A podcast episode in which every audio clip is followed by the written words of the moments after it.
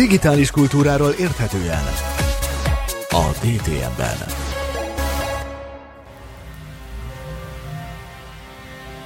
Egy csíkszeredai iskolába lépünk éppen be, szépen lassan, és azt látjuk, hogy a katedra előtt az asztalon egy kis tárgy mozog, egy kis autó. És a fiatalember ott ül mögötte, és koncentrál erre az autóra, és a koncentrálásának az eredményeképpen ez a kis autó forog, mozog, arrébb mozdul. És azt látjuk, hogy a fején vannak pántok, amiknek egyébként nagyon fontos szerepe van abban, hogy mozogjon ez a kis autó. Itt van velünk továbbra is Pál Zelinda Csíkszeredából. Kiről is van szó, kedves Zelinda? A videón látható fiatal embert Imecs Tamásnak hívják, és egy középiskolai csíkszeredai diák, aki jelenleg matematika és informatika szakon tanul, és hát ami érdekesség, hogy művészeti liceumba járt akkor, amikor hobbi szinten neki fogott programozni, illetve robotokat építeni. Ezt, ezt könyvekből és internetről tanulta, de hát igazából nem is tudom, hogy nevezhetem-e hobbi szintű innovátornak, mivel hogy már kétszer nyert el nemzetközi kutatási ösztöndíjat. Ezzel a gondolattal irányítással? most bemutatott műszerével a Magyar Innovációs Szövetség versenyén nyerte el tavaly a legeredményesebb határon túli pályázónak ja, külön díjat. És tényleg jól láttuk, hogy gondolattal irányítja, fölveszi a, azokat a pántokat, közben meg is nézhetjük egyébként, mert van egy kis bejátszásunk arról, hogy hogyan épül fel ez az eszköze, és lát, látni fogjuk, hogy itt van ez a pánt, ugye ezt valahonnan a kereskedelemből vette meg, ezt az EEG szenzort, tehát elektroenkefalográfról van szó, amit föltesz a fejére, és akkor a homlokán, meg a, a fülére csíptetett kis eszközzel levesz mindenféle jeleket, és akkor erősen gondol valamire, például arra, hogy miképpen mozogjon ez a kis robot. Itt még mutatja az eszköznek a különböző részét, hogy hogy kapcsolódik a számítógéphez, és aztán majd mindjárt látunk még alkalmazásokat, de Bocsánat. Tehát ebben az a döbbenet, hogy... Asimov. Asimov, igen. Csak ennyi. De miért, miért mondod Asimovot? Hát alapítvány, trilógia, el kell olvasni, aztán majd ki fog derülni. Ja, igen.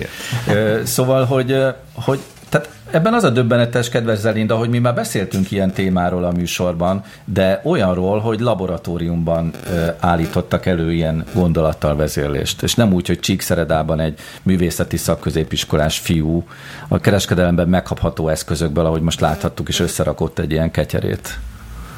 De mit szólsz Igen, hozzá? és fontos megemlíteni, hogy mindent ő rakott össze, tehát vannak még más fejlesztései is, és ezekhez mindent ő készített, tehát az eszközöket, azokat persze megvásárolta, de ő rakta össze ezeket a gépezeteket, a robotot, a fejpántot, meg minden egyebet.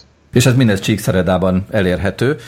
Most már tényleg csak az lenne az érdekes számunkra, hogy hogyan juthat egy művészeti szakközépiskolás fiú ilyen gondolatokra, hogy elkezdjen gondolattal vezérléssel kísérletezni otthon. De szerintem nézzünk még bele abba, hogy, hogy milyen megoldásokat kísérletezett ki az eszközzel, mert nem csak az autót lehet irányítani, hanem látni fogjuk mindjárt, hogy, hogy hogyan, hogyan tud más eszközöket is irányítani gondolattal, de először még egy pár kép arról, hogy miképpen működik az irányítás. Itt látjuk a kis szervergépet, ami a gondolatok hatásáról villog.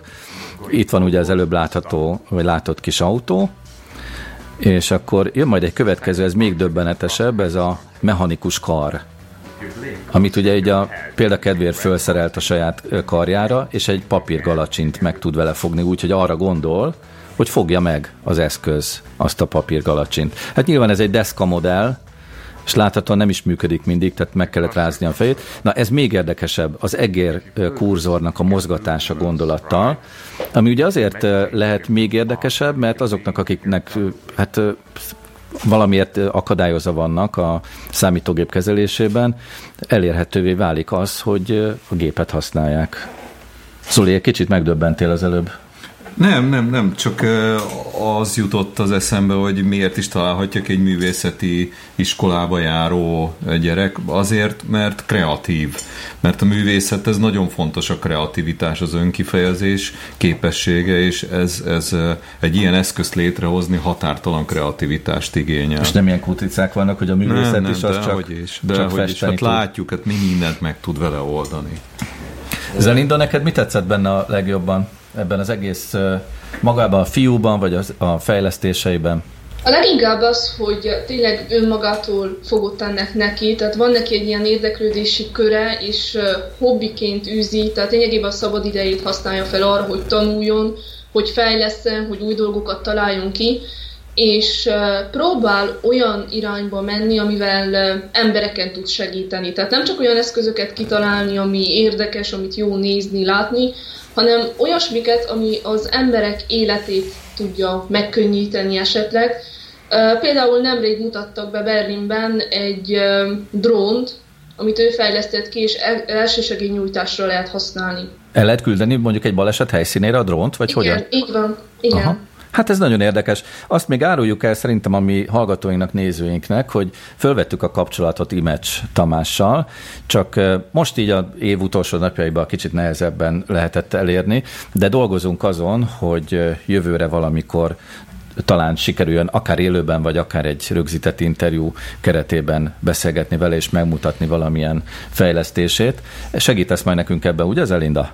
Igen, természetesen, és ő is mindenképpen pozitívan vette a dolgot, mert hogy ismeri is ezt az adást. Jaj, de jó. És uh, Ennek örülünk. szeretne, igen, Hát akkor mi is innen üdvözöljük Imes Tamás Csíkszeredában, és uh, ígérjük neki, hogy rövidesen fölveszük vele a kapcsolatot. Viktor, még valamit akartam? Nem, csak az, az ugrott be arról, amit mondtál, hogy rácsodálkozunk erre, de azért tudjuk, hogy jól tudjuk, hogy az interdisziplinaritásnak a korában élünk, és hogy ezt most már a legkülönbözőbb tudomány ágaknak a nagyon mondhatni így minden jó, jó indulatommal, hogy vaskalapos képviselő is elismerik, hogy, hogy vége annak, hogy kémikus, fizikus, vagy nem, tehát művész, ezeknek a, ezeknek a skatujáknak, és jönnek azok a, azok a komplex, összekapcsolt rendszerek, ahol a szinergiákból hát ilyen csodák születnek.